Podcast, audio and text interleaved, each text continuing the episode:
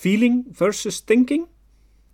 Een van de meeste irreële tweedelingen die ooit in het leven werden geroepen, is wel de puur fictieve tegenstelling tussen gevoelens en gedachten.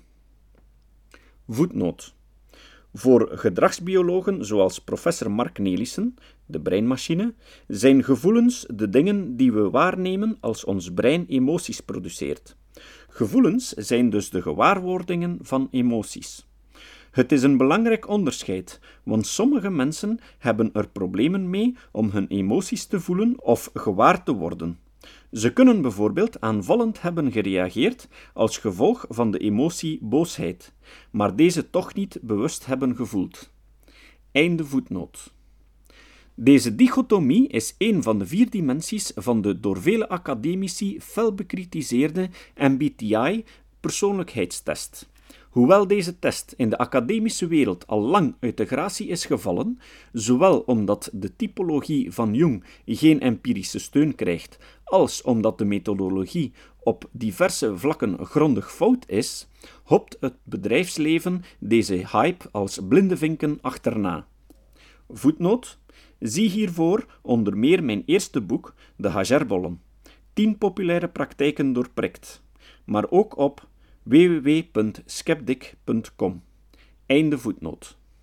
Onderzoek in de klinische psychologie, maar ook in de neurobiologie, Damasio 1998 en 2001, heeft al lang aangetoond dat we geen onderscheid mogen maken tussen emoties en gedachten. Ze zijn namelijk ondeelbaar met elkaar verbonden in neurale netwerken in ons brein. Ook klinisch psychologen, vooral diegenen die geschoold zijn in de cognitieve gedragstherapie, weten wel beter. Boosheid bijvoorbeeld gaat steeds gepaard met dezelfde soort gedachten, namelijk gedachten die een gebod of verbod inhouden. Vaak komt dit tot uiting in gedachten met de woorden moeten of niet mogen of dat kan nu toch niet, omdat een bepaalde wens of doelstelling in het gedrang komt.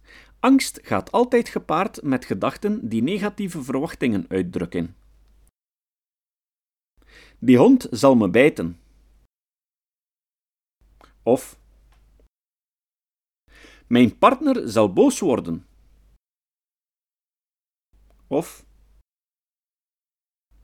de klant zal hier niet van houden. De tandarts gaat mij pijn doen. Gedragsmatig leidt angst, net als bij de dieren, bijna altijd tot een of andere vorm van vermijden, vluchten, vechten of bevriezen. Ik vat dit hierna samen in een tabel en ik daag iedereen uit om gedachten te vinden die niet passen in het plaatje van angst. Bijvoorbeeld emotie. Voetnota. Niet iedereen wordt zich van deze emoties die zich in het brein voordoen bewust. Gevoel, dit verklaart het asociale gedrag van sommige bad leaders. Einde voetnoot. Gedachten. Voetnoot. Dit soort gedachten gaat altijd gepaard met deze emotie. Gedrag en functie van het gedrag. Eerste rij. Emotie. Boosheid, ongeduld, irritatie, ergernis, frustratie, boosheid, woede, furie. Gedachten. Verbod of gebodsgedachte. Moeten. Niet mogen. Dat kan nu toch niet. Overdrijvingen in de gedachten. Altijd, weer al, nooit. Gedrag. Verbaal.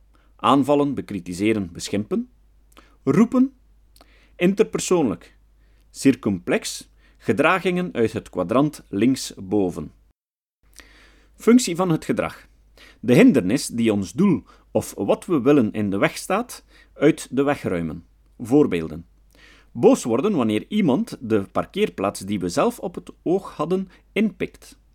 Boos worden op een collega die roddels over ons verspreidt. Tweede rij. Emotie. Angst. Ongerustheid, onzekerheid, ongemak, schrik, paniek. Gedachten. Negatieve gevolgen verwachten zal. Bijvoorbeeld, de hond zal mij bijten. Mijn vader zal boos zijn. De klant zal afhaken. Gedrag, Meestal vluchten of dichtklappen.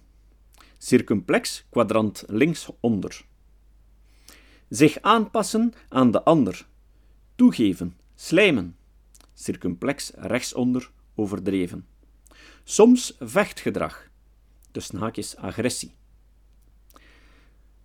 Functie van het gedrag? Zichzelf beschermen. Tegen een aanval, tegen kwetsuren. Voorbeelden. Een blokje omlopen, omdat er soms een gevaarlijke hond losloopt in de straat. Het telefoongesprek met de ontevreden klant uitstellen. Op het moment dat we erg emotioneel zijn, kunnen we niet meer helder denken. Dat geldt voor iedereen. Er is echter nog nooit aangetoond dat mensen die minder emotioneel stabiel zijn, ook minder in staat zouden zijn tot rationeel redeneren. Voetnoot Emotionele stabiliteit is een van de vijf domeinen uit de Big Five karaktertrekken. Einde voetnoot. Natuurlijk zijn sommige mensen emotioneel minder stabiel dan anderen, maar dat heeft niets te maken met intellectueel vermogen.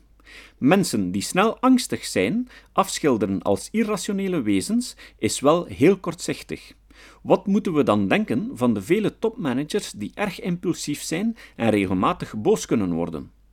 Bill Gates bijvoorbeeld is berucht door zijn woedeuitbarstingen. Gevoelens en gedachten als een tegenpool van elkaar op één dimensie zetten is dus intellectueel onjuist en sterk misleidend.